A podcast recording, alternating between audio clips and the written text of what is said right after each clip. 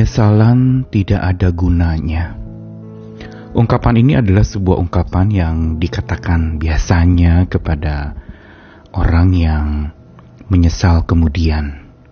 Tidak pikir panjang lalu setelah sebuah tindakan yang berupa sebuah kesalahan itu dia lakukan, dia baru menyesal setelah terjadinya tindakan itu.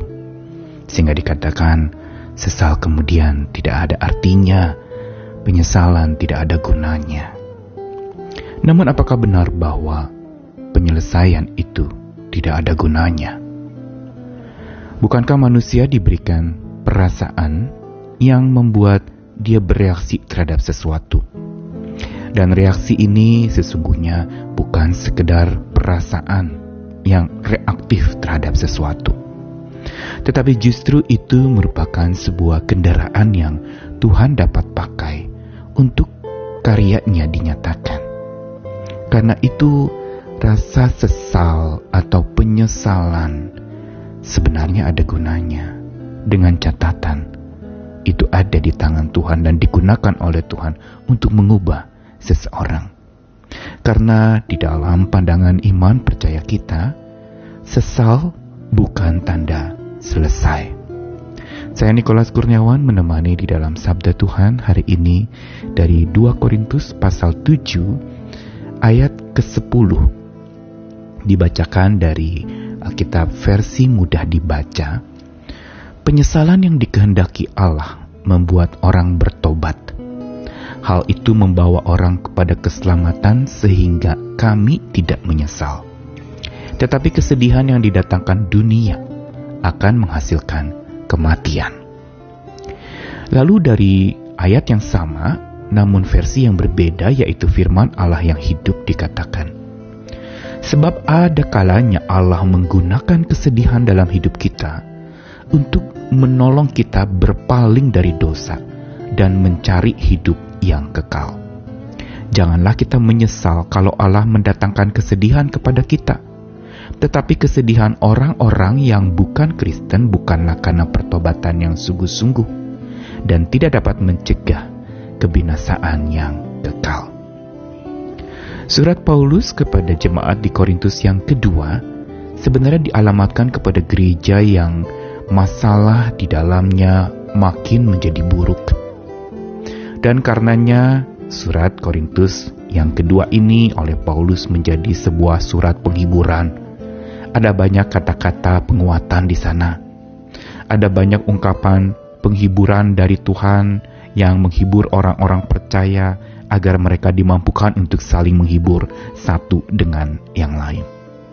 Namun di dalam pesan-pesan penghiburan yang Paulus katakan kepada jemaat di Korintus dalam suratnya yang kedua, di dalamnya terkandung juga sebuah pesan untuk terjadinya sebuah pertobatan.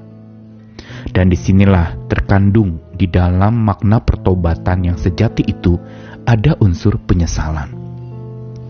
Namun penyesalan yang dialami oleh manusia yang dipimpin oleh Tuhan menuju pertobatan bukan sebuah penyesalan yang menjadi sekedar perasaan saja. Bukan penyesalan karena merasa bersalah atau penyesalan karena kesedihan yang mendalam seolah ingin mengulangi kembali dan berandai-andai supaya kesalahan itu sebaiknya tidak terjadi, ingin mengulang sebuah kehidupan yang sudah tidak bisa diulang. Dan tentu saja ini tidak mungkin. Namun Paulus mengatakan kepada jemaat di Korintus untuk supaya mereka bisa menyadari bahwa penyesalan yang ada di dalam hidup mereka bila itu dikendaki Allah akan memimpin kepada pertobatan. Jadi bukan sekedar penyesalan karena merasa tidak senang atau juga penyesalan karena hanya sekedar sedih atau penyesalan karena sebuah perasaan bersalah yang memenuhi hati. Karena di dalam versi Alkitab firman Allah yang hidup dikatakan ada kalanya Tuhan menggunakan kesedihan dalam hidup kita, termasuk di dalamnya kegagalan kita atau mungkin kebodohan kita karena melakukan satu tindakan ceroboh yang menyebabkan sesuatu yang fatal. Itu dikatakan akan menolong kita berpaling dari dosa dan mencari hidup yang kekal.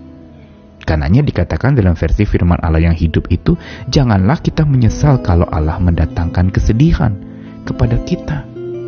Karena kesedihan yang didatangkan Allah adalah kesedihan yang memimpin kepada sebuah pertobatan yang sungguh-sungguh dan mencegah adanya kebinasaan yang kekal. Tetapi sebuah kehidupan yang kekal. Kehidupan yang sungguh dijanjikan untuk setiap kita dari Tuhan. Dan karena itu Tuhan menjelaskan di dalam surat ini penyesalan yang Tuhan kehendaki itu membawa kepada pertobatan. Dan sampai di sini kita menarik sebuah pelajaran juga dalam kehidupan kita untuk saat di mana kita merasa menyesal untuk sesuatu yang sudah terjadi. Misalnya kita katakan saya menyesal menikah dengan orang ini, saya menyesal telah melakukan satu kesalahan yang menyebabkan terjadinya peristiwa yang tragis itu. Saya menyesal mengapa saya menjadikan orang itu sebagai orang kepercayaan saya, dan masih banyak tumpukan penyesalan-penyesalan yang kita sering kemukakan dan alami. Padahal penyesalan bukan penyelesaian, karena rasa sesal bukan tanda selesai Tuhan ingin supaya penyesalan yang kita alami itu menjadi penyesalan yang kita taruhkan kepada Tuhan sehingga diubahkan oleh Tuhan menjadi pertobatan. Penyesalan yang dikendaki oleh Tuhan yang membuat kita lalu kemudian dibawa kepada keselamatan. Yang berarti penyesalan-penyesalan kita itu ada gunanya. Bila kita pandang itu bukan sebagai tanda selesai, tetapi langkah awal agar hidup kita makin mawas dan pikiran kita makin diperluas. Jiwa kita juga makin mawas dan makin diperluas untuk menuju kepada kedewasaan, keselamatan, kehidupan yang abadi di dalam Tuhan. Dan inilah langkah yang kita perlu tempuh tidak bisa dipungkiri penyesalan bisa saja terjadi sebagai reaksi terhadap satu tindakan atau reaksi terhadap tindakan orang terhadap kita. Tetapi ingat, sesal bukan tanda selesai. Tuhan juga belum selesai menggarap kita.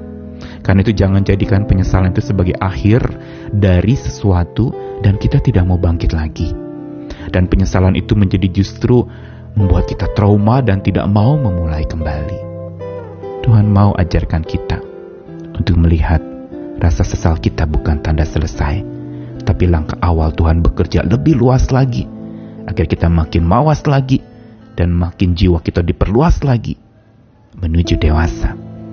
Karena itu, mari berikan diri kita agar sungguh dibentuk oleh Tuhan, menjadi pribadi yang makin dewasa juga melalui semua rasa sesal yang pernah kita alami atau saat ini kita sedang menyesali sesuatu.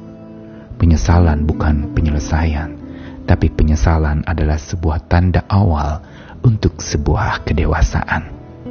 Mari datang serahkan hidupmu kepada Tuhan, Dia selalu bersedia.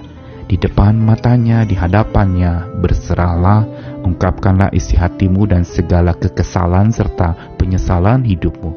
Dia belum selesai menggarap dan membentukmu. Selamat dibentuk oleh Tuhan, selamat jadi pribadi yang makin dewasa. Amin.